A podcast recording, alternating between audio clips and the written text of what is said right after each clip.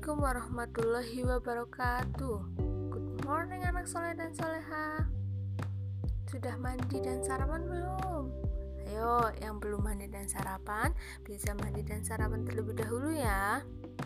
Kemudian jangan lupa sholat duha. Oke anak soleh dan soleha Hari ini kita akan belajar akidah akhlak Tentang atau materi Asmaul Husna ada yang tahu arti dari Asmaul Husna? Ya, Asmaul Husna artinya nama-nama Allah yang baik. Hari ini kita akan belajar Asmaul Husna yaitu Ar-Rozak dan Al-Wahhab. Apa itu Ar-Rozak atau arti dari Ar-Rozak? Ar-Rozak adalah yang maha mencurahkan rezeki jadi Allah itu sudah menentukan rezeki kita masing-masing. Allah Subhanahu wa Ta'ala memberi rizki kepada hambanya dari tumbuhan dan pohon-pohonan yang memproses makanan dari air, tanah, dan udara. Allah menundukkan matahari pada tumbuhan untuk menyempurnakan makanan yang dibutuhkan oleh manusia dan binatang. Makanan ini tidak mungkin ada kalau Allah tidak menyediakan air tawar, mempersiapkan tanah yang baik untuk ditanami, dan menciptakan udara yang sesuai untuk memproduksi makanan dari tumbuh-tumbuhan.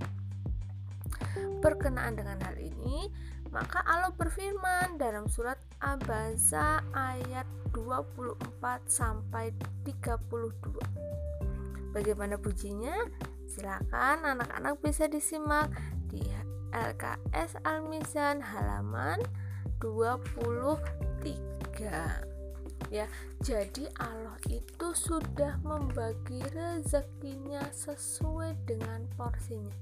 Kita tidak akan merasa kekurangan jika kita bersyukur atas rezeki yang Allah berikan.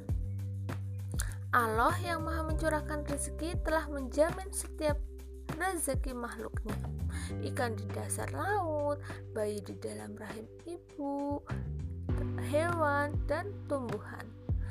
Rezekinya telah ditentukan Allah Subhanahu wa taala. Seperti yang dijelaskan Al-Qur'an surat Al-Hud ayat 6 yang artinya dan tidak ada suatu binatang melata pun di bumi melainkan Allah lah yang memberi rezekinya dan Allah mengetahui tempat berdiam binatang itu dan menyimpannya. Semua tertulis dalam kitab yang nyata atau lauhul mahfuz. Baik, yang kedua yaitu Allahab. Apa artinya? Allahab adalah Maha Pemberi Karunia. Allah Subhanahu wa taala memberi semua kehidupan atau Allah memberi semua kebutuhan hidup kepada semua makhluknya walaupun tanpa diminta dan tanpa meminta balasannya seperti yang dijelaskan pada Quran surat Sud ayat 35 Allah Subhanahu wa taala yang telah memberikan kita kecukupan, kesehatan, kekuatan dan kehidupan. Allah pula yang mengkaruniakan kita kebahagiaan, keberhasilan, dan jalan-jalan mendapat rezeki karena Allah mengetahui setiap kebutuhan makhluknya.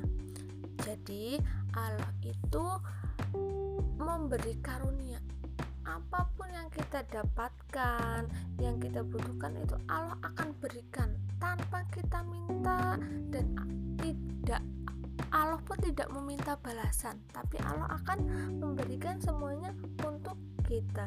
Salah satu bukti bahwa Allah memiliki sifat Allah Al-Wahhab yaitu hanya Allah yang sanggup memberi siapa pun yang membutuhkan tanpa mengharap imbalan walaupun makhluk tersebut tidak meminta kepadanya. Namun Allah tetap akan memberikan kebutuhan setiap makhluknya. Allah lebih tahu apa yang menjadi kebutuhan kita. Al-Wahhab sendiri yaitu sifat kedermawaan Allah kepada seluruh makhluk.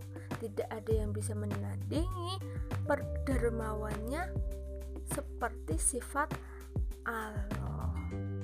Baik anak soleh dan soleha, sampai sini paham? Any question?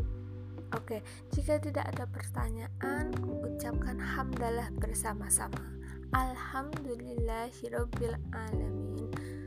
Thanks for your attention. Wassalamualaikum warahmatullahi wabarakatuh. See you.